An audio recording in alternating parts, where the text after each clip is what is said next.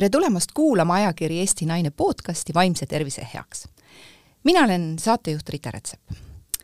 täna on mul külas äh, inimene, keda vist praktiliselt kõik Eestimaal tunnevad. läbi aastakümnete, peaaegu kolmkümmend aastat inimesi õpetanud ja, ja jaganud teadmisi, kuidas saada endaks, endast teadlikumaks. Äh, tere tulemast, Ingvar Villida! tervist! sa oled äh, koolitaja sa oled ettevõtja, sa oled äh, Lilleoru keskuse asutaja, sa oled tõesti aastakümneid äh, teinud koolitusi, kuidas äh, aidata inimestel välja tulla sellistest automaatsetest käitumismustritest, kuidas saada teadlikumaks oma emotsioonidest ja sellist tänuväärset tööd teinud. kuidas sa jõudsid üldse Lilleoru keskuseni? lugu algas selliselt, et ma otsisin enda perele maja kohta ja siis suurte raskustega sain, see oli siis üheksakümnendad. ja sealt see alguse saigi. nii lihtne see ongi? oi, see oli palju keerulisem, palju pikem, aga vaata, tol ajal oli see maade tagastamise aeg ja keegi ei tahtnud anda ja mina olesin Vaidas seal ühiselamus, aga no kuidagi tead ikkagi sai niimoodi noh, suure otsimise peale, inimesed aitasid ja siis äh, hakkasin seal toimetama aga et ma juba õpetasin selleks ajaks inimesi, siis inimesed tulid järgi, siis talgutele. ja nii see algas. et suured asjad saavad alguse väikestest asjadest. jah, esialgu oli vaata isiklik, aga pärast muutus nii-öelda mittetulundusühingu omandiks, mis teha aga äge, äge, et Lillearu keskus on olemas, et äh, see on väga vahva koht ja, ja väga vahva asi, mida sa tegelikult ajad. aga meie räägime täna siin emotsioonidest. see on ilmselt üks teema, millest sina siin Eestimaal oskad kõige paremini rääkida või seda lahti võtta, et ütle palun, mis asjad on need emotsioonid ja mis asjad on need tunded? tead, eesti keeles on tunded ja emotsioonid sünonüümid, nagu ka inglise keeles näiteks ja võib-olla ka teistes keeltes. mina olen tõmbanud siia vahe sisse ehk tunded on need, mida tunneme siis füüsiliselt, noh, külm, kuum, valu, ebamugavuse tunne, no mis on kehaga seotud nii-öelda, keha vajadustega, näiteks ma ei tea, lisan veel tühja kõhutunne, näiteks janu ja ma ei tea, peavalu kas või ja nii edasi. aga kõik ülejäänud asjad äh, on emotsioonid, eks see on see, mida ma ka tunnen. siin on selline segadus ehk äh, me saame, saame tunda, siis me ajame segi, kas see on nüüd füüsiline keha või on see emotsioon. nii et, aga mina tõmban vahe sisse. kõik see, mida tunneb keha, on, on tunded ja kõik see, mis on ülejäänud, on emotsioonid. ma tegelikult olen sinuga täiesti nõus, et, et tunded ja emotsioonid on natukene äh, tunnetuslikult erinevad asjad, et kuidas sa suhtud sellesse, kui, kui ma ütlen, et, et tunnet ma tunnen, aga emotsioon on reaktsioon tundele? tead, ma ei ütleks niimoodi, ma ütlen natukene teistmoodi.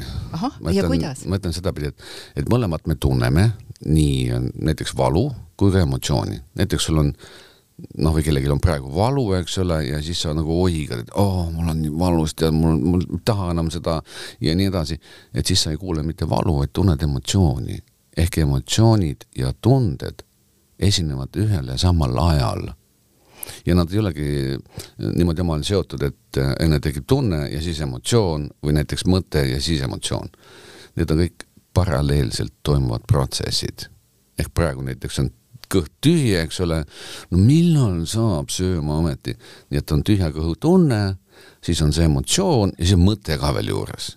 nii et need on paralleelsed protsessid ja minu jaoks ei ole siin äh, sellist, ähm, kumb neist on enne ja kes on pärast, et kus on kana ja kus on muna mm. -hmm. aga kas me peaksime neid kuidagi eristama, oleks meil seda vaja? ma arvan, äh, et äh, praktilisest aspektist vaadates loomulikult, otse loomulikult, sellepärast näiteks, et ähm, kui sa võtad, noh, mida tavaline elu, eks ole, no mida ma tunnen töö kohta, enda kohta, teiste kohta, millised on minu suhted teistega, mida ma nii-öelda äh, tunnen, tunnen nagu maailma suhtes, need on kõik emotsioonid mm. -hmm. mõtted küll äh, kaasnevad samamoodi, eks ole, ehk me püüame nagu mõtestada, lahti mõelda, analüüsida ja nii edasi, aga mõte ei ole nii suure osakaaluga meie mm, kuidas meil nagu motivatsioonides ja kannatustes, kuivõrd emotsioonid.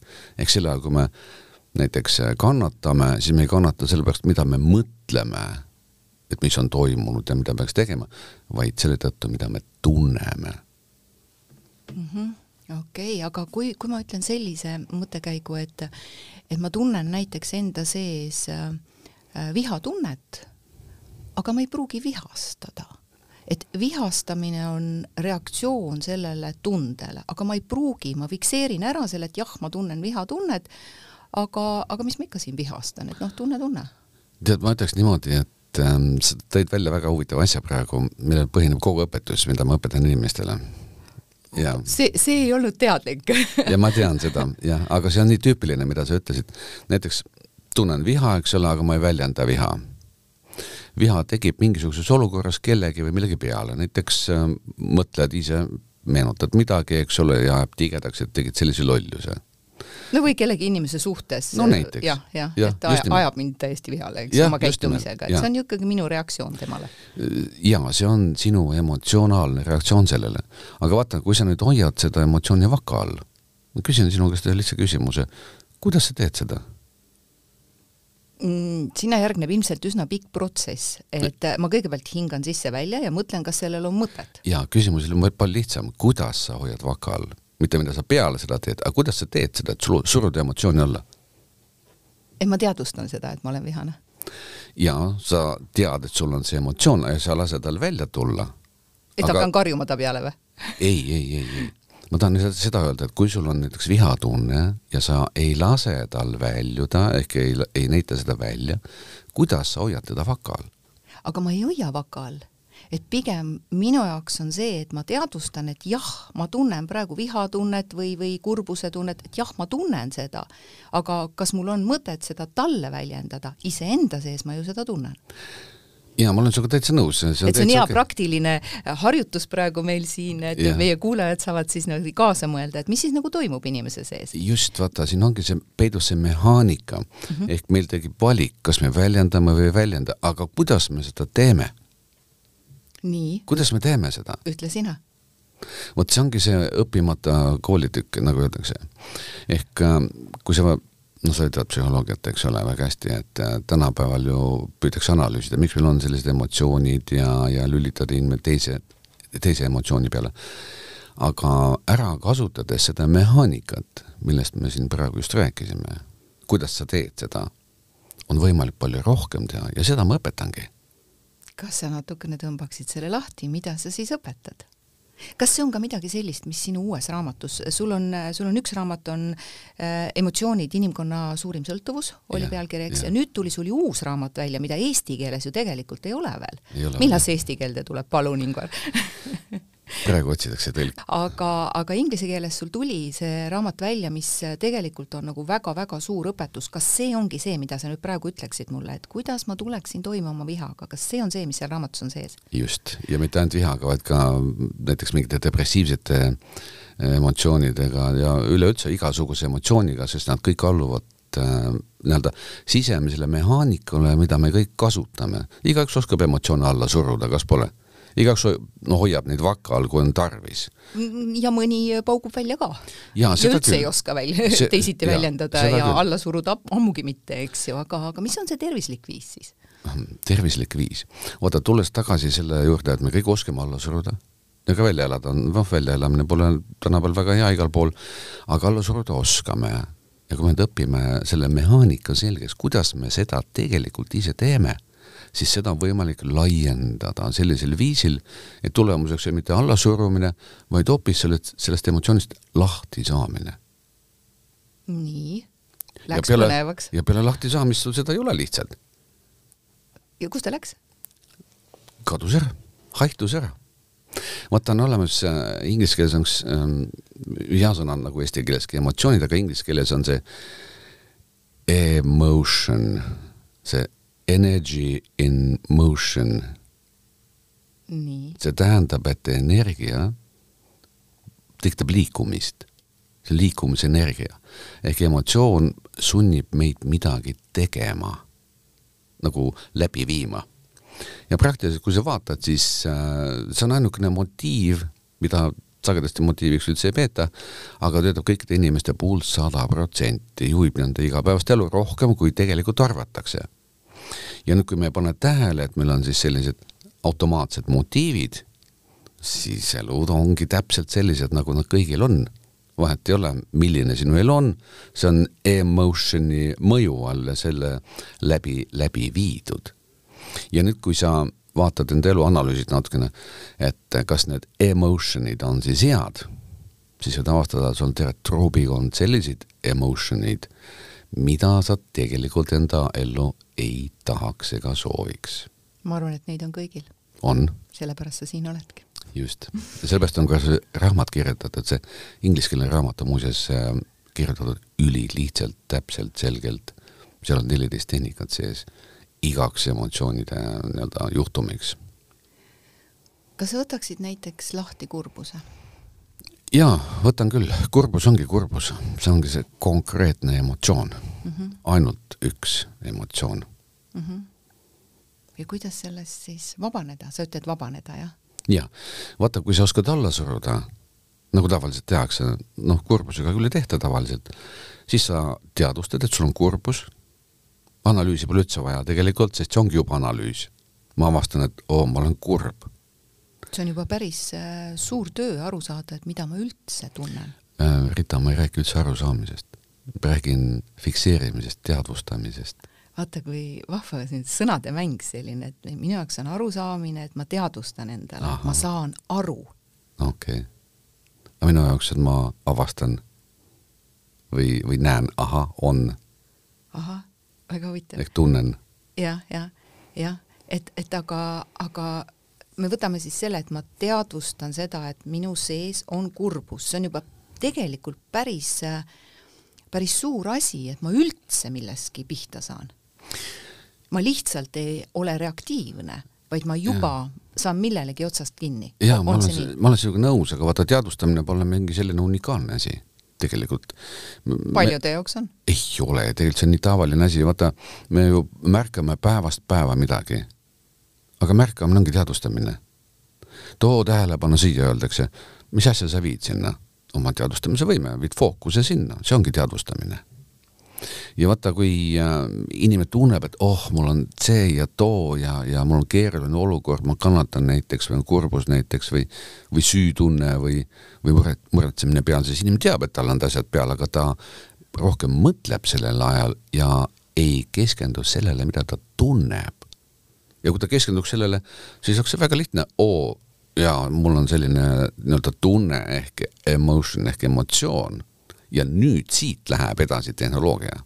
nii, kui me võtame nüüd kurbuse, väga paljudel inimestel on kuskil sügaval südames, kõhus, kus iganes, igas keharakus on väga suur kurbus ja mis ta nüüd teha saaks, et üks asi on see, et okei okay,, ma tean, et selle asja nimi on kurbus, ma tunnen seda kurbust, et et mõnikord äh, inimesed räägivad mulle, et et nad kuulavad mingit muusikat ja hakkavad nutma või, või äh, iga hell asi ajab neid nutma, et midagi istub kuskil seal hingekeldris neil sees, mis tekitab siis nendes teatud päästiku ja siis nad nimetavad seda kurbuseks.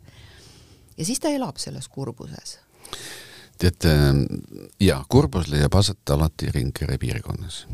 kui kogu müstika kõrvale jätta, no kõik need, ma ei tea, istub rakkudes ja, ja nii edasi, eks ole, siis tegelikult ma jah, ma tunnen, et ma olen kurb, aga see tähendab, et ma juba tean seda nii, ja mis ma selle teadmisega peale hakkan? see on algus. see on algus, ma teadvustan, et minu sees on suur kurbus. just, ja siit ei ole kuskile vaja minna ei ole vaja minna, minna muusikat kuulama, ei ole vaja jalutama minna, lohutada ennast kuidagi, vaid sul ongi objekt nii-öelda, kurbus ongi iseenesest see asi, nii, ja sellega on vaja edasi toimetada mm.. ja see, mida mina õpetan, on väga lihtne. sa tead, et see on energia ja see on liikumine. sest kurbus ju toimib, me ju tunneme seda. me pole ilmselt harjunud niimoodi vaatama seda kui nagu energiat, aga, aga see on hea vaade, sest see on hästi praktiline ja nüüd, kui energia liigub, sa, sellel tulemusel sa tunned teda üldse, et ta on olemas. kuigi ta ei ole niisugune noh, nagu kuidas, kuidas ma ütlen, me oleme harjunud igasuguste liikumistega, aga sellise liikumisega pole harjunud. aga ikkagi, ta on teatud sorti liikumine. ja nüüd sa annad käskluse tal seisma jääda, et see energia üldse ei liiguks. hoiad niimoodi paar-kolm sekundit, hoiad kinni lihtsalt, lased lahti sellest hoidmisest ja ongi kõik ma lähen nagu selle kurbuse sisse, ma püüan ei, aru saada. ei lähe, ei lähe, ei. no näiteks, kui sa oled kurb, eks ole, no näiteks, kui sa tunned kurbust. see on siin tõesti ringkeres. ja ma näen, et sul on kurbus. no praegu ma läksin nii emotsionaalselt sellega kaasa. okei, okei, teeme siis praktiliselt läbi. nii, nii, nii, palun, head kuulajad, tegeleme kurbusega nii. nii, tunne kurbust. Et sul oleks lihtsam tunda, ma küsin, kus kohas sa seda tunned no ma tean, et see on ringkeres ja mul läheb kohe mõte siia, et ma tõesti tunnen siin äh, ringkeres kurbust. mitte mõte, vaid teadvus, teadvustamine läheb sinna okay.. sa oled teadlik, et ta on. jaa, ta on siin. nii, sa tunned teda. jaa. nii, hoia teda fookuses. ja teades, et see on liikumine, ütle talle stopp, mis tähendab, et liikumine lakkab. Ja nüüd lase stopist lahti. ja nüüd ma küsin sinu käest, kas sa tunned muutust? kergus tuli. aga kergus, vaata, tulebki seetõttu, et see emotsioon on nüüd läinud. vot nii lihtne see ongi. kõik need asjad, mis, mida vanasti DMK-ks nimetasime täna practical consciousness'iks, on sellisel äh, viisil üles ehitatud. ehk ähm, tänapäeva psühholoogilisest lähenemisest äh, erineb kõik see äh, practical consciousness seetõttu, et me kasutame siin äh, seda, mida me oleme kogu aeg kasutanud, on pisut teistmoodi. nii et see on hästi natura-, naturaalne mm. -hmm. et me nagu peatame selle liikumise ära, võtame kontrolli enda alla ja, ei, ja siis te tekitame talle vastupidise liikumise. ei, ei, ei, ei, ei, see ongi kõik, kogu tehnika, ongi kõik. mitte mingit kontrolli, mitte mingit vastupidist liikumist, mitte midagi. ma püüdsin seda lihtsalt kuidagi seda mehaanikat ära seletada. ei, see mehaanika, jah, see on hea, aga see on kõik veel läheb väga keeruliseks. ehk põhimõtteliselt ongi niimoodi, nagu ma, ma kordan üle veel kord, et sa avastad, ahaa, okei okay,, ma tunnen nüüd äh, vaatad, kus kohas sa tunned, nagu öeldakse. oma füüsilises kehas? ja kõik Otsid emotsioonid, ja kõik, kõik mm -hmm. kehad on, tähendab, vabandust, kõik emotsioonid on füüsilises kehas. ja nüüd äh, tunned, hoiad fookust peal, teades, et see on liikumine, kasutad äh, nii-öelda enda võtmesõna, võtmesõna tähendab, et see on sinu jaoks nagu aamen kirikus, eks ole, näiteks stopp, ütled emotsioonile stopp kogu sellele alale, mida sa tunned, hoiad kolm-neli sekundit liikumatust seal lased lahti ja ongi üks emotsioon su elust kadunud. nii, kui see nii lihtne oleks, aga see ongi aga nii lihtne. just, et, et kõik lihtsad asjad tunduvadki, et oot-oot-oot, stopp, stopp, et ma ikka ei usu. uskumatu, eks ole. jah, täpselt, aga, aga ma arvan, et ma arvan, et siin on vaja lihtsalt praktiliselt äh, treenida seda. üks oht on, mida ma tunnen, ego hakkab vahele peksma. tead, äh, ego ei kuulu üldse tegelikult selle asja juurde, ehk äh, see tegevus ei pea endas sisaldama mõtlemist kui ma vaat ma, ma just tahtsingi öelda, et ta hakkab, hakkab lihtsalt paratamatult, kuna me oleme harjunud. ta hakkab paratamatult sisse see on automatism, see on automatism, aga seda peab vältima. ja kui sa nüüd vabastad sellisel viisil emotsiooni ära, lased lahti ja siis tunned, et kas läks paremaks. siis see tähendab, sa teadvustad sel hetkel muutust ja tunned, et oo ongi kergem. tõesti läks kergemaks, ma tundsin kuidagi jah, puhtfüüsiliselt sa tunned teatud kergust. jaa, aga emotsioon läkski ära, sa saidki sellest lahti, see ongi see tunnus, see töötab nii, töötabki nii kiiresti. aga mis ma tahtsin siia lisada, et kui sa nüüd nagu registreerid, ahaa, kuule, läkski kergemaks, aga see ongi fakt. sa ei mõelnud seda välja, sest sa ju tegid midagi ja said tulemuse ja nüüd seda sinu ego, nagu sa ütlesid seal, seda peab vältima, sest see hakkab nüüd igasugust jama sulle ajama. kas see oli võimalik, kas see ikka ei ole nii lihtne ja, ja, ja nii edasi, nii edasi, seda osa tuleb vältida, sest äh, see ei kajasta seda tegelikkust, mida sa just praegu tegid ja vaata, siin on need inimlikud ohud olemas, et me oleme harjunud olema mugavustsoonis, see ei pruugi üldse mugav olla, vaid see on harjumuspärane käitumine ja me tuleme selle harjumuspärase käitumise juurde kogu aeg tagasi et, et see, see, mis sa praegu rääkisid, et seda nagu harjutama hakata, see nõuab järjepidevat harjutamist, et üldse aru saada, mismoodi see mehhanism töötab. ja ta tegelikult äh, töötab palju keerulisemalt, kui ma rääkisin sulle siin, eks ole. Äh, ja kas ongi vaja nii sügavalt teada seda mehaanikat, see on küll koolituse teema, kus ma tavaliselt läbin selle, aga ma näen, no ma tahan inimest nagu harida, eks ole, et ta saaks aru, mida ta tegelikult teeb, sest sest kõik see on naturaalne, nii-öelda empiiriline. aga ma olen sinuga täiesti nõus, et me oleme täiesti täis erinevaid automatisme, automaatseid mõtteid, automaatseid emotsioone ja kõik see tundub, et ongi okei okay,, et me olemegi olnud kogu aeg sellised. Muuseas, mõtete, mõtetest äh, oleks vahest vaja vaikust jaa, nii nagu arvutile teeme restardi, võiks oma kompuutrile ka restardi teha, sest muidu see kõva ketas lendab kogu aeg väga ebasobivates kohtades õhku. jaa, aga vaata, restarti tal teha ei saa parasjagu. kuule, aga mõtteid saab seisma küll jätta, ma võin paari sõnaga rääkida, kuidas käib, aga enne seda ma tahan küsida. kuule, mis sa arvad, kas äh, mõtted on emotsioonid? Nad sisaldavad emotsioone. küsimus on hästi lihtne. või tekitavad? ja küsimus hästi lihtne, kas äh, mõtted on emotsioonid, kas see on üks ja seesama? üks ja sama minu meelest ei ole. ei ole jah, ma ei hakka küsima, kuidas sa tead seda, see on veel üks see oli praegu tunnetuslik vastus, et üks ja sama ei ole, aga üks, noh, nad on omavahel seotud. ma natuke parandan siin, mitte tunnetuslik, vaid teadvustatud, eristatud sinuga peab iga sõnaga hästi täpne olema tead, ma olen selle nii täpseks lihvinud, viinud kokku nende sõnadega, mille tähendust isegi paljud inimesed ei tea, aga kasutavad. aga mul on Sest, hea meel, et sa kasutad sõna automatism, sest me oleme kunagi sinuga natukene vaielnud teemal refleksid ja automatism. see on üks ja sama tegelikult jah. noh jah ja. ja., väikse nüansiga. ja, aga vaata kui huvitav, kui küsida ükskõik millise inimese käest, kuule, kas mõtted on emotsioonid? igaüks ütleb, et ei ole. et ja vot, ja vot see on üks, veel üks selline äh, Äh, äge meie omadus, nimelt teadvustamise, eristamise võime. see käib nii lihtsalt, nii tavaliselt, et, et, et siin polegi midagi erilist, aga tegelikult on see üliunikaalne võime. jah, ja vaata nüüd, kui emotsioonid ja mõtted pannakse patta või mõeldakse, kumb oli enne, kumb oli pärast, siis siit kujuneb välja nii-öelda psühholoogia, eks ole, mis on noh, selline haru, mida ähm, tänapäeval on eriti vaja maailmas aga see ei anna nagu lõpplahendusi. no nii on, nii on, ma usun, sa tead ka seda enda tööst, eks ole, et äh, sul on noh, klientide järjekord, ma usun, et on maailmas igal pool täna, eks ole, aga mm, lahenduseta probleem. jah, aga see lihtne asi, mida sa läbi tegid, sa tundsid kohe muutust ja see toimibki tegelikult kohe. nagu sa läbi viid, nii kohe töötab mm. -hmm. jah, ja no kogu analüüs on hästi lihtne, eks ole, küsi, mida ma tunnen. ära isegi hakka nimetama, mida ma tunnen, mis emotsioon see on, ära liigita, lihtsalt tee kindlaks, nii, tunnen seda. stopp.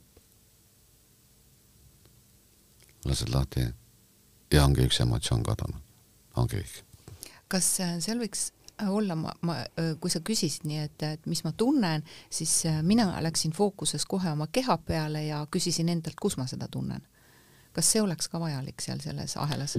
ja, ja lokatsioon on oluline, sest vastasel juhul tekib mingi ettekujutlus millestki, aga see emotsioon, mida sa tunned, on ju päris mm. -hmm. jah, ehk see osa meil tegelikult, tegelikult jäänud õppimata, ehk meie äh, eristamise, teadvustamise võime meie endi kohta on ikka jube vilets tegelikult.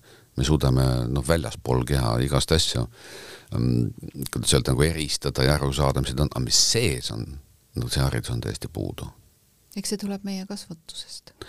tead, see tuleb natukene, võiks öelda, võib-olla pimedusest, me lihtsalt eh, ei tea ja võib-olla pole keegi tulnudki selle peale, kuigi inimesed panevad tähele, et neil on mõtted peas ja, ja neil on emotsioonid ja on head ja on halvad, aga mm, sellist õppeainet ei ole ja veel vähem on sellist õppeainet, mis õpetab äh, lahti saama mitte ainult emotsioonidest, vaid näiteks ka lollidest mõtetest, näiteks äh, rumalatest mõtetest, äh, noh, ma, mis ma pean silmas, no näiteks kui inimene halvustab ennast või tal on enesetapumõtted peas ja, ja nii edasi, nii edasi, eks ole.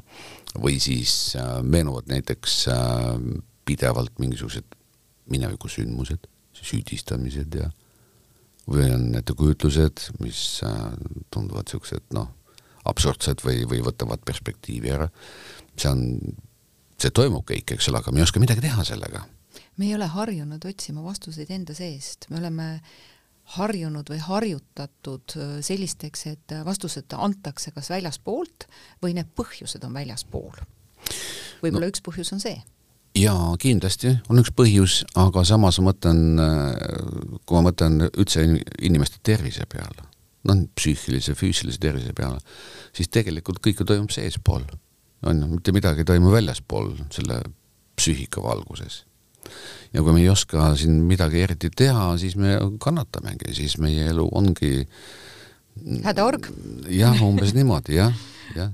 aga see on õpitav, see on õpitav, ega ma noh, selle kolme-neljakümne aasta jooksul olen ikka asjad selgeks endale teinud ka tegelikult, selleks nad töötavadki. ma usun, et isegi sinul on arenguruumi. Ega ma ei ütlegi, et äh, mul arenguruumi ei ole, aga see on ma... ju tore. jaa, muidugi on tore. aga no mina räägin nüüd natuke teistsugustes teemades jaa, aga ütle palun hästi lihtne asi, miks me vajame emotsioone? miks inimkonnal üldse on antud emotsioonid, miks inimolendil on sellised asjad olemas nagu emotsioonid? see on hea küsimus. vaata, kui laps sünnib, tal ei ole emotsioone. tal on reaktsioonid? Reaktsioonid tulevad niikuinii, eks ole, aga emotsioone ei ole. kui sa vaatad väikest last, vastsündinud, siis, siis sa näed, et seal on äh, heatahtlikkus siis on neutraalsus, kus ta vaatab siis ringi, eks ole, ja füüsilise kehaga seotud igasugused hädad, eks ole, valud ja, ja tühi kõht ja need on tunded. aga ei ole viha, ei ole raevu, ei ole kadedust, uhkust, muretsemist ja no tavalisi emotsioone, eks ole. ja tead, need saadakse lapse poolt last ümbritsevate inimeste käest selles keskkonnas ta imeb sisse nagu käsn kõik selle info. jaa, see on üks õppimise võimaku, võimekus, eks ole, ehk ta saab tõesti teistelt, aga mm, nad salvestuvad automaatseteks protsessideks ja jäävad eluks ajaks. Nii et selles mõttes noh, me teame koroonat, eks ole, aga kui nüüd äh, tuua perspektiivi teine pilt, et emotsioonid on ka nagu teatud mõttes haigus siis tegelikult laps nakatatakse ja ta on elu lõpuni haige. me ei ole muidugi harjunud, et kõik on emotsionaalsed ja see on nagu normaalne, aga kui niimoodi nagu vaadata ja küsida, aga net-, miks mul näiteks on vaja muretsemist või näiteks kurbust või üksinduse tunnet või rahulolematust, viha, raevu ja nii edasi, et miks need emotsioonid peavad olema? aga ma küsingi, miks meil nad siis on, miks me selle haigusega ringi käime siin, mõni rohkem, mõni vähem hmm.? tead, tegelikult on kõigil üks sama komplekt, lihtsalt osad hoiavad need tallel või on noh, ütleme, nad alla surunud, need emotsioonid. aga miks inimkonnale üldse on antud emotsioonid? ma arvan, et see oli see paradiisi lugu, tead, kui sealt välja astuti, sealt sai see alguse. muuseas, loomadel on ka, eks ole, lindudel emotsioonid, aga küsimus ei ole isegi selles, et miks meil on, vaid küsimus on pigem selles, et kui me tuleme, meil neid ei ole ja me korjame nad siit maailmast ülesse. see nii-öelda ajaloolis-kultuuriline osa. ja paneme siis samade emotsioonidega elus edasi ja sisuliselt tegeleme kordusega, ehk see, mis oli ajalooliselt millalgi toimus seal, ütleme meie esivanematega, kogu inimkonnaga põhimõtteliselt, see lihtsalt kordub ja kordub ja kordub. kas sa oled küsinud, et kahekümne esimene sajand ja me oleme ikka natuke nagu neandertaalased selles osas? olen mõelnud küll. no vot, vaata sõda on siinsamas kõrval, eks ole, nälg, mingi kemplemine käib kogu aeg võimu pärast ja nii edasi. mina olen arvanud, et see on ikka täiesti ego ja kultuuri küsimus. Jah, ego on mõtted, kultuur on emotsioonid. ja kui sa nüüd vaatad äh, seda taaka, siis taak on emotsionaalne ja seni, kuni siin ei muuda mitte midagi, ei muutu ka inimkonnas mitte midagi muidugi üksikisiku tasandil samamoodi. ehk kui sa ikkagi no kahtled kogu aeg näiteks, kas sa teed ikka õigesti asju ja, ja kas ikka peaks ja, ja nii edasi, nii edasi, siis ega see kahtlus ikkagi juhib ja niikaua sa ei saagi endale selgelt pilti ette, kuni see emotsioon on läinud nii-öelda, kus ta ei mõju enam no üks näide. jah, ma tean, et seda sinu raamatut äh, ostetakse ja jagatakse tegelikult ka Ukrainas siis äh, sõja käes olevatele inimestele, et nad õpiksid nende olukordadega paremini toime tulla, tead sa ise seda? jaa, ma olen kuulnud jah, et ja. inimesed on ostnud siin äh, Amazonist neid äh, niimoodi trobekondade viisi ja siis saatnud sinna annetusena. ma arvan, et see on parem kui raha saatmine. ja samas ma tean ka seda, et ähm, ÜRO all olev siis, täpselt ei teagi, mis amet see on, aga ka tegeleb, tegeleb siis refugeed, see on siis põgenike teemadega, eks ole, et neil on ka plaanis osta üks suurem portsjon lihtsalt jagada. lihtsalt on... aidata inimestel toime tulla nende olukordadega teadlikumalt. jaa, õpetada, kõige lihtsam on ju minu meelest õppida see ära ja see on sul eluks ajaks. kui sa oskad vabastada igasuguseid emotsioone, Ehm, see, see tehnika, mis me sinuga siin tegime, seal on üks neljateistkümnest, mis on raamatus, eks ole, aga see on fundamentaalne. seal on igaks elujuhtumiks, siis õpetada inimesele ise emotsioonidest vabanemist on super. see tähendab, et ta võib teha seda igal pool, igal ajal, see ei sõltu üldse mitte millestki ja aga samas see efekt on suur, sellepärast et see emotsioon, mina nimetan, et see salvestub rakumälus, et see kuskil salvestub meie kehas, mis lõpuks tegelikkuses võib ju avalduda füüsilise ja ka vaimse haigusena. jaa, ma ütleks niimoodi, et äh, jah, tõesti, emotsioonid äh, tegelikult ei salvestu, jaa, vaid nad on alati uued. vaata, võtame API hästi lihtsa loogika kui emotsioonid salvestuksid kuskile meie kehasse ja teadlased avastaksid, kuidas see toimub, siis tegelikult oleks meil vist igikestev patarei juba täna olemas. pigem, mina näen pigem asja teistmoodi, ehk äh, minu uurimus näitab seda, et et äh, emotsioonid luuakse siinsamas ja praegu, nad ei ole kuskilt minevikust või tulevikust pärit, sest energia ei saa eksisteerida ei minevikus ega tulevikus, ainult praegu, eks ole aga nad aktiveeritakse läbi informatsiooni.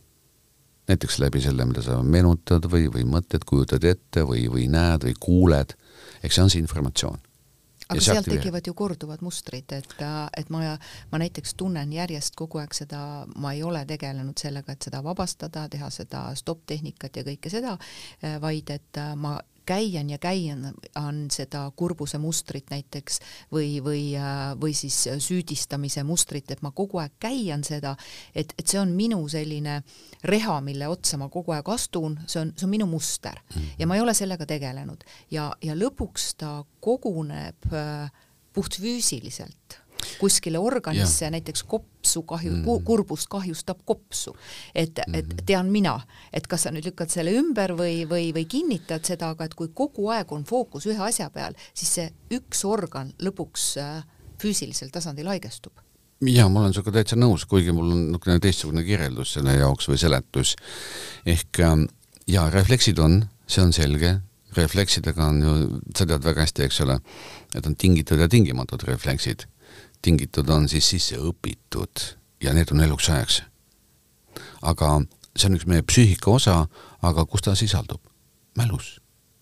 mälu, mälu on peamine probleem kõikides äh, sellistes reaktsioonides.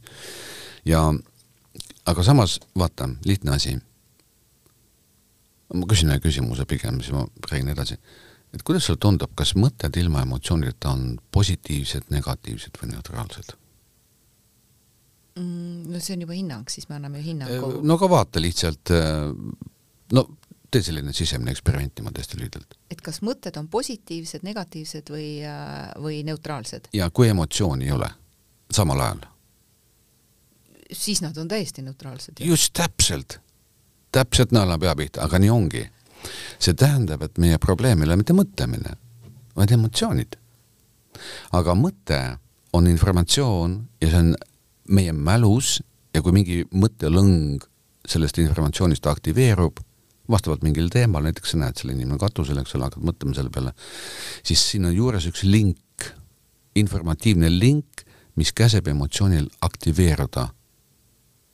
ja emotsioon aktiveerub. kas see on natukene nagu ellujäämisinstinkt? ei ole, see on ole. puhas reflektoorsus lihtsalt emotsioon. aga see on ju seotud ellujäämisega, ega meid muu ei, ei saada kui ellujäämine või surmahirm. ei, ei, ei, ei, ei, ei, ei ole nii ellujäämise eest vastutab ainult hirm, valu ja mõnu ja ongi kõik. ülejäänud on niisugune vahepealne osa.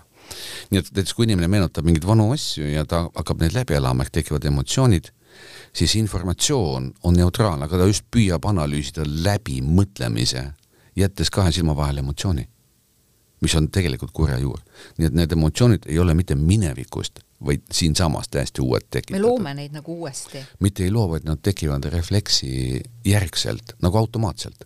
aga kui ei teki, näiteks meenutad mingit jama, saad emotsiooni vabastanud ja ei teki, siis sa saad vaadata oma minevikku neutraalsena, on ju. aga aga meid saadab ikkagi see harjumus. See ei ole harjumus, see on automatism. no See on nagu- automatism siis see on nagu saadab. masinavärk. ja see on nagu see saba kogu aeg selle emotsiooni taga, et me ei, nagu ei lõika seda ära. me, me kogu aeg kordame ja kordame ja kordame sedasama, seda mustrit. jaa, vaata, isegi kui see muster sul peas istub, aga emotsiooni ei ole samal ajal, siis see on neutraalne. siis sa vaatad neid vanu, ma ei tea, asju, eks ole, või, või vaatad tulevikku või vaatad kolleege, eks ole, ja mõtted on, aga sa ei reageeri enam sellele nagu tavaliselt. Ja, ja mõte on neutraalne jaa, aga kui sa vaatad nüüd, mul tekkis selline, mulle meeldib visuaalselt mõelda, et, et nüüd kuidagi tekib mul automaatselt see visuaalne mõtlemine, et, et sa istud ja vaatad vana pildialbumit mm -hmm. täiesti emotsioonitult või? ei, sõltub, palju sa oled emotsioone vabastanud.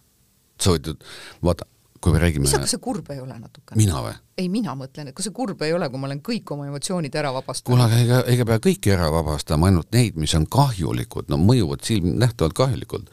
sa mainisid seda ju, et äh, emotsioonid mõjutavad väga tugevalt füüsilist keha, füüsilise keha tervist. selle kohta on selles raamatus ka omad peatükid, eks ole. vastuseis näiteks on emotsionaalne. ja see on fakt, et emotsioonid mõjutavad drastiliselt füüsilise keha tervist. no võta või ma ei tea, vererõhk tõuseb üles vihastasid ja ongi laes, eks ole, või masendus näiteks, no depressioon võib suisa noh, ma ei tea, mida teha, eks ole. nii et emotsioonide mõju füüsilisele kehale on väga võimas, kunagi ammu ma lugesin kuskilt ähm, psühhosomaatilised haigused. psühho on siis psüühika ehk emotsioonid, mitte mõtlemine, see tuleb kõrvale jätta, sest see on neutraalne, ja soma on siis keha ma kuskilt lugesin et, et kaheksakümmend viis protsenti haiguseid on psühhosomaatilised. E, jaa, väidetavalt seitsekümmend viis, kaheksakümmend protsenti olevat mm. jah, aga, aga selle kohta Sigmund Freud on kirjutanud, et äh, psühhanalüüsi looja siis, et et kõik haigused tõesti ei ole alati psühhosomaatilised, aga nad on alguse saanud äh, negatiivsete emotsioonide ja tunnete pealt. või olukordade pealt siis. ma olen täitsa nõus sellega. alges on negatiivne. ma olen täitsa nõus sellega, aga no kogu see noh, Freudi maailm on ülikeeruline. ülikeeruline. inimene ei ole nii keeruline muuseas, ta on väga keeruliseks kujundatud, tegelikult on asjad palju lihtsamad. no ma toon jälle täitsa nõus muide kui sa suudad emotsioone vaka all hoida, et mitte välja öelda, sest see ei ole õige koht, kus öelda, eks ole, sa teed seda. nüüd küsimus on, kuidas sa teed seda. õpi see ära, laienda seda võimekust ja ära suru alla, vaid õpi vabastama. no vabanema ja ongi kõik see on tehtud elementaarseks, hästi lihtsaks. et vabaneda nendest asjadest, mis ei tööta meie kasuks. no muidugi, no miks peaks, miks me miks peaks... me tassime neid kaasas kogu aeg, kohver seljas, seljakott seljas, muudkui tassime aga kaasas? ei no aga miks me peaksime ennast halvasti tundma, ütle mulle vot ma ka ei saa aru nii et aga ometi me teeme seda la,. jah, lahendust ei ole olemas sellist, noh nüüd on, no kolmkümmend, kolmkümmend, ma ei saa öelda kolmkümmend, mis ma olen õpetanud, neliteist aastat, üks viisteist aastat on see tehnoloogia olnud aga noh, ütleme, kui me võtame sellise keskmise eestlase, natukese irooniliselt, siis ähm, eestlase selline emotsionaalne pagas, teadlikkus äh,, siis oma emotsioonidest minu meelest on nagu kolme sõnaga äraöeldav. normaalne, hea, halb tegelikult ikkagi eestlane tunneb ka ikkagi rohkem, aga ei no see on selline, ütleme, väikse irooniaga öeldud, eks. kuidas sul läheb hästi? jah, aga no, mis normaal. see sinu jaoks tähendab hästi, et kui sealt nagu edasi hakata küsima, siis sealt on juba nagu päris raske edasi minna päris paljudel. no lihtsalt mina näen seda oma töös, eriti laste puhul, et mm. kuidas sul täna läks hästi. okei okay,, millest sina saad aru, et sul läks hästi? mis on sinu pidepunktid, mille järgi sa hindad seda, et sul on hästi? see on kidakeelsus noh, see võib olla kidakeelsus, aga on. jah, seda võib ka nii nimetada, aga see võib ka olla see, et, et tõesti meil ei olegi seda sõnavara. tegelikult on olemas eesti keeles kogu sõnavara. aga me ei oska kasutada, vot millest see nagu tuleb, et, et kui ma siit edasi sulle ütlen, et kui ma küsin, et vastab hästi, eks ju, ja mina, mina siis püüan siis edasi äh, sellega minna, et mis on need asjad, mis annavad sulle teada, et sinul on täna hästi, siis see tähendab seda, et see pilk tuleb keerata sissepoole ja analüüsida ja seda ei osata. tead, see on võib-olla veel lihtsam kui sa oled ennast päeva jooksul tundnud positiivsemalt vastavalt emotsioonidele, siis sul on läinud hästi. no ikkagi me lähtume siis enesetundest. aga emotsioone on võimalik ainult tunda ju. eks ole, ja kui ma nüüd tahan ennast hästi tunda, siis miks ma teen seda, et ma tunnen ennast halvasti? aga sa ei tee seda, sest see on reflektoorne. No vot. sa, see ei ole, see ei ole see, mida me ise teeme ja me teame, et me teeme endale kahju. see lihtsalt juhtub niimoodi, sest me läheme selle automatismiga kaasa, mis on meie sisse kirjutatud. sellest oleks ju jube hea lahti saada no minu meelest nagu üks mõtlemise koht ongi see, et me ju kahjustame iseennast, et, et teha siin see stopp ja hakata tegelema iseendaga jaa, aga vaata läbi iseenda kahjustamise me kahjustame ka teisi. kui mul on tuju ära näiteks, ma võin lajatada ükskõik kellele, eks ole, ja siis on jälle maailm must, eks ole. nii et äh, siin on tööd kõvasti tegelikult, et vabastada ennast äh, ajaloolisest emotsionaalsest taagast mida me oleme saanud siis enda vanematelt, võib-olla oma vendadelt, õdedelt, onudelt, tädidelt, ma ei tea, kangelastelt, multifilmidest, mis igalt poolt tegelikult. ja, ja, ja selline review ja selline saneerimine on täiesti võimalik ja see on väga efektiivne. nii et ma ütlen, et inimesed ei pea olema sellised, nagu nad täna on emotsionaalses mõttes, nad ei pea kannatama, kuigi kõik usuvad ja ka osa psühholoogiat on selle peale üles ehitatud, et kui sa ei kannata, siis sa otsi väljapääsu. see ei pea üldse olema niimoodi. väljapääsu otsitakse ju arukust kasutades, mitte emotsioone, on ju nii?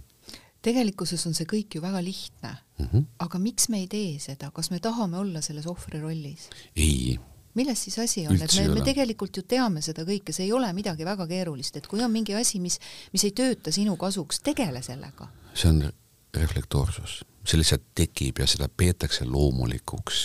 me oleme harjunud. me oleme harjunud, et see on loomulik ja samas meile kinnitatakse, et see on normaalne. igalt poolt, kui sa vaatad näiteks, no ma ei tea, inimesed räägivad omavahel, kuule, mul oli see sündmus, see sündmus, kõik ütlevad, et kuule, elavad kaasa, see on tavaline, see on normaalsus ma ütlen, et seda normaalsust äh, peetakse normaalseks ainult sellepärast, et tegelikult meil puudub sellealane teadmine, mis tegelikult toimub. ja see on see põhjus, miks inimesed ei muutu, kuigi nad tahaksid muutuda. see on see põhjus, miks meil täna on selline maailm kas seal sees võib olla ka natukene sellist hirmu vastutuse eest, et kui ma hakkan tegelema iseendaga ja näen, et selle kõige alges olen mina ise ja mina ise saan kõike muuta, et siis äh, see hirm vastutuse eest, et mina pean midagi tegema, ei, ei, las ikka teevad teised. sa räägid ju reflektoorsustest praegu, eks ole? on nii?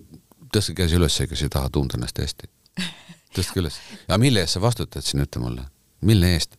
kui sa vaatad nagu tavalist äh, viisi, eks ole, no vot, ma pean kontrollima ennast ja, ja ma ei tohi teha seda, surun emotsioonid alla, siis jääb keha haigeks ja kogu see krempel, see on niivõrd keeruline. loogika ütleb hästi lihtsalt, kui mul ei ole näiteks seda viha või seda rahulolematust, seda teravust, millega ma kellelegi ütlen, siis ma ei pea seda kontrollima ju. see on läinud. mul ei ole seda enam. ja asi on palju lihtsam, sa pead, sa saad tunda nagu normaalselt. jaa, aga meie selline ref-, reflektoorne käitumine on ju see, et kui keegi tekitab minus, keegi tekitab rõhk on sõnal tekitab minus äh, selle tunde, et ma olen vihane, siis on tema süüdi tead, see on, ähm, vot see on küll selline see on minu meelest tüüpiline käitumine. see on tüüpiline, sest kõik äh, osutavad sõrmega teistele, aga samas vaata, kui sa osutad sõrmega teistele, siis kolm tükki näitavad sinu poole aga vaata, mida ütleb loogika. loogika ütleb seda, et keegi ei saa sulle edasi anda seda, mida sa tunned. kuidas ta saab, tema ajab sind vihale küll, aga tema ei anna sulle viha. viha on ju sinu enda sees, sinu enda keha sees. ja nüüd, ja nüüd, kui sa vaatad siia, okei okay,, ta on juba olnud siin, nüüd ta lihtsalt aktiveerub nagu tavaline refleks. lihtsalt nagu ütleme siis nagu see Pavlovi refleks, eks ole, lamp läheb põlema sees ja sa tunned end, ennast emotsionaalsena seni kuni sa seda enda seest ära ei korista ehk ei vabane sellest, nii kaua sa re oled reflektoorne edasi, ükskõik missuguses olukorras, välja palju tahad, ikka tuleb ette. no seda nimetatakse vab... päästikuteks, et keegi vajutab sinu ja, päästikut ja. ja siis sina reageerid sellele, et muudkui vajutab nuppu ja sina hüppad, eks, täitsa no, vabatahtlikult aga hüppad. niimoodi manipuleeritakse, vaata Venemaa, vaata Ukraina, vaata maailmas, vaata vanemaid lapsi ja nii edasi, see toimub kogu aeg, kas või meedia on näiteks noh, ma ei tea, ükskõik milline, eks ole, kogu aeg käib manipulatsioon.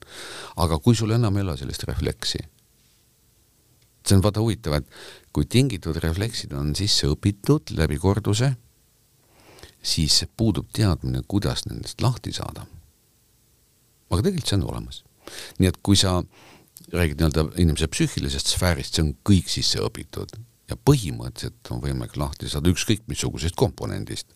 aga ma tahan toonitada seda, et ähm, muidugi tehnoloogia töötab niimoodi, et võib vabastada ka positiivseid emotsioone, aga positiivsed ei ole ju tihti probleem, kuigi nad on ka ju probleem tegelikult, sest nad on samamoodi ju psühhofüüsilised. aga negatiivsed, me võiksime vabalt olla ilma negatiivsete emotsioonideta elus, olla head inimesed.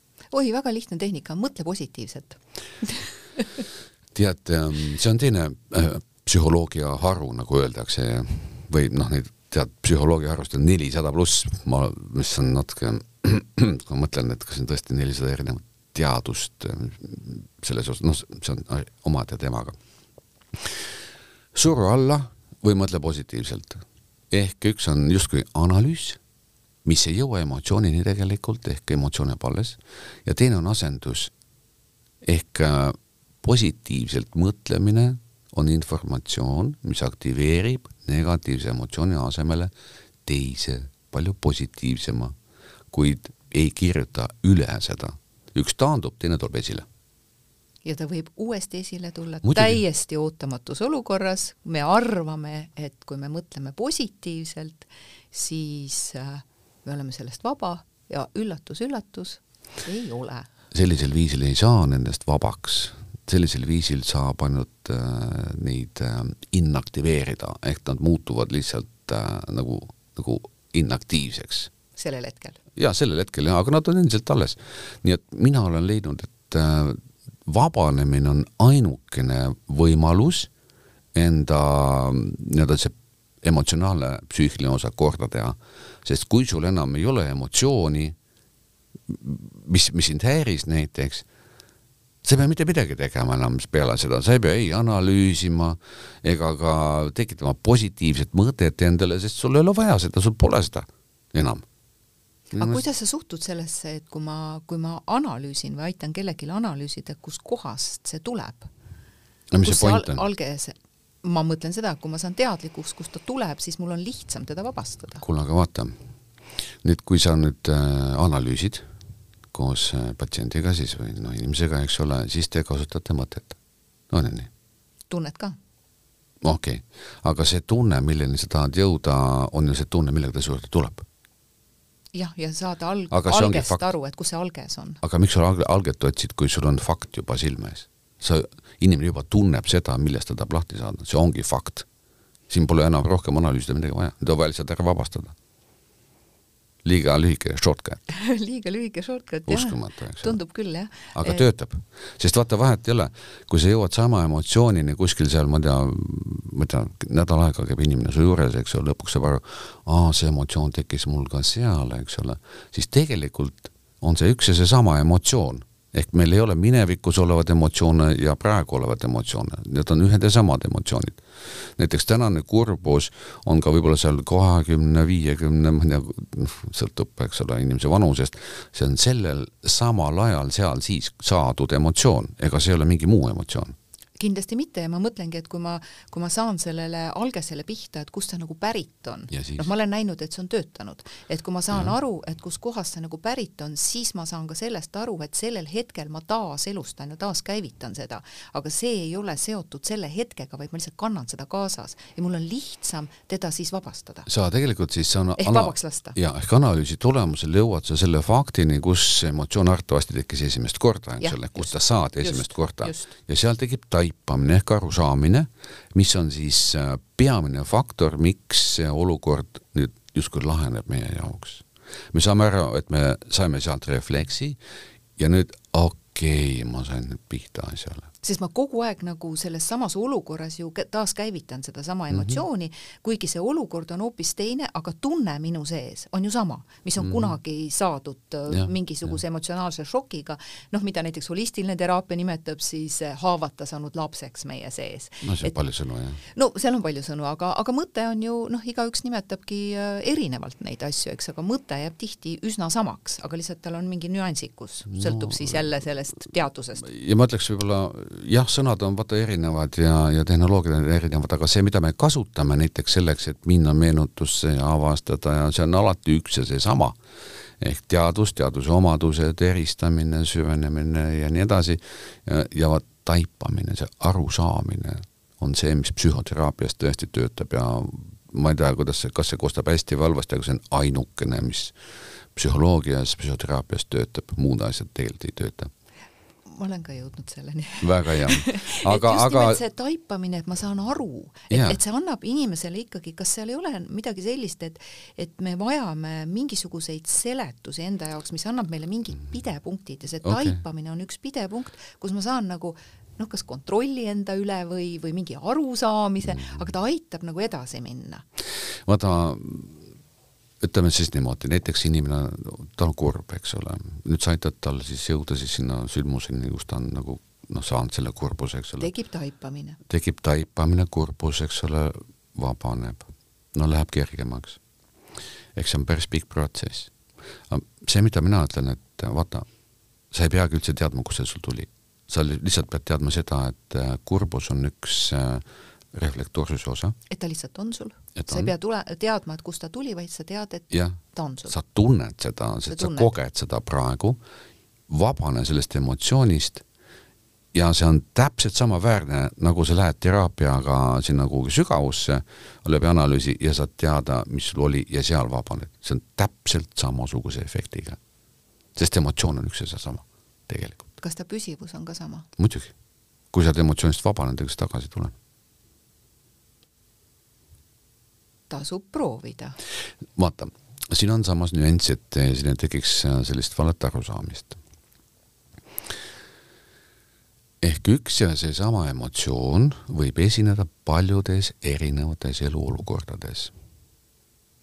miks? sellepärast, et meil ei ole erinevaid emotsioone, näiteks võtame viha, eks ole me teame, et ma vihastan selle peale, tolle peale, seal selles olukorras, selles olukorras meenutan seal, seal, seal, viha on üks ja seesama muuseas, kõikidel inimestel on üks sama viha üle maailma. nii et taga, tagasi. üks sama viha on salvestunud informatiivselt erinevates olukordades, mis on kunagi toimunud. ja see tähendab, et kui sa vabaned ühest vihast, siis see viha võib mingis teises olukorras taasaktiveeruda, sest ta on reaktsiooniahela osa, mis on seotud juba mingi muu olukorraga. aga nii lihtne vabastamine, nagu see siin oli, eks ole, mida me siin sinuga tegime, eks ole, see muutub niivõrd lihtsaks, progressiivseks, et sa vabaned kõikidest nendest refleksidest ülikiiresti tegelikult. et ma võtan viha kui viha, äh, viha kui emotsioon mm, -hmm. kõik, kogu lugu, ilma analüüsita, kust ta tuli, kust on see päästik, mis on minu lapsepõlvetraumad ja, ja millest ta on tingitud, vaid viha on viha ja, ja ma ei taha sind enam. no natuke teistmoodi käib see, eks ole, et ja, ja nii on li lihtne see ongi, jah, ja veel kord siis vaata, refleksid on niimoodi üles ehitatud, et äh, see on muidugi seotud meie nii-öelda alateadvustatud osa õppimise võimega. ehk äh, kui viha on tekkinud erinevates olukordades, on ta nii-öelda läbi lingi kodeeritud erinevalt see on see põhjus, mida ma siin enne rääkisin, eks ole, kuid miks äh, viha tekib erinevates olukordades. aga see on nagu refleksikaar, eks ole. sul on trigger, mis on siis informatsioon ja sul on emotsionaalne reaktsioon. Triggerid võib olla palju, emotsioon on sama. nii et kõik need trigerdatud reflektoorsed kaared ehk äh, nii-öelda, kuidas ma siis ütlen, et äh, nagu konkreetsed sündmused, kus kus see refleks nagu käivitub. Neid on meil mitu, eks ole. vabastad järjest ära siit, siit, siit, siit nagu ta esineb käigu pealt, näiteks kui on selgeks saadud see tehnoloogia ja varsti oled sa vaba, sul pole üldse viha. eks sa vabastad tegelikult sisse õpitud refleksid needsamad nii-öelda ajaloolis-kultuurilised taagad, eks ole, mida sa oled kodust saanud ja, ja, ja ma ei tea, meediast ja nii edasi, eks ole. ja see tehnoloogia nii lihtne, et sa kannad seda kaasas, teadvustad, ahah, on, vabastad ja teed iseennast heaks. jah, selle asemel, et äh, analüüsida, et äh, okei okay,, ma sain teada, kust see tuleb, järgmine kord tuleb ta jälle, sest et tal on mingi teine päästik ka, eks ju, et me ei leiagi kõiki neid üles. teine, teine olukord. jah ja,, et ta tekitab jälle ma, ja, ja ma jälle olen hädas endaga. aga just. kui ma võtan viha või kurbust mm, -hmm. Kui viha ja kurbust ja tegelen ainult selle emotsiooniga, sõltumata sellest, kust ta kunagi on tulnud, vaid ta lihtsalt on mul. ja ma tegelen tema kui niisuguse vabastamisega mm, -hmm. ilma sügava analüüsita. just, sama tulemuseni jõuad ehk tulemuseks on see, et emotsiooni pole. sest vaata, meenutamine, see analüüs on väga keeruline ka tegelikult. ja selleks on vaja teist inimest, kes aitab sul läbi minna. aga kui sa õpid ise teadvustama ja ise vabastama, sa oled iseenda terapeut. Jaa, see on päris see töötab igal hetkel. päris äh, vajalik asi meile endale. muidugi. ja, ja see nõuab äh, natukene aega, natukene tahtmist. ja õppimist vajab. õppimist, harjutamist mm. -hmm ja, ja otsust, et ma tahan sellega tegeleda. ja kui otsust ei tule, siis tuleb küsida, mida ma tunnen ja siis vabastada. sest tavaliselt on see emotsioon näiteks äh, otsustamatus või ükskõiksus või üleolekutunne näiteks ja nii edasi. Need on kõik emotsionaalsed, ema-, kõik emotsionaalsed seisundid. emotsioonid juhivad meie elu rohkem, kui me tegelikult usume ja arvame. kas sa oled nõus, kui ma lõpetuseks ütlen selle, et äh, kõik noh, kas nüüd kõik, aga põhimõtteliselt jah, kõik taandub soovile või soovimatusele areneda?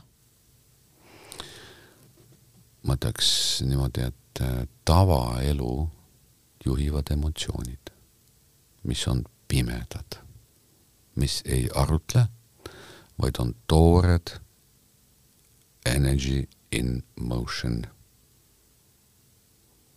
aitäh, Ingvar, me jätame selle siin õhku ja igaüks saab otsustada, mida ta selle infoga teeb ja kuidas ta selle info enda kasuks tööle paneb ja kas ta rakendab või ei rakenda. aitäh kutsumast! aitäh tulemast ja aitäh kõikidele meie kuulajatele meid kuulamast ja meiega ka kaasa mõtlemast. ja ma arvan, et ka tegutsemast. aitäh. thank you